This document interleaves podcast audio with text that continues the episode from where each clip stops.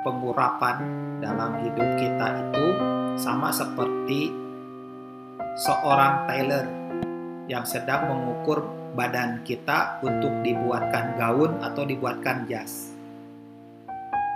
Itu paling cocok.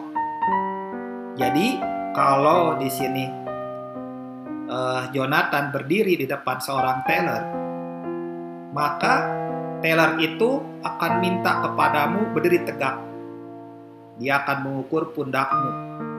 Kelihatannya pundakmu dari dari dari zoom ini lebih tinggi yang kanan nih kelihatannya. Maka si tailor itu akan mengukur bahwa kanan lebih tinggi. Dan biasanya kalau tangan kanan, kalau pundaknya kanan lebih tinggi, berarti tangan kiri lebih panjang.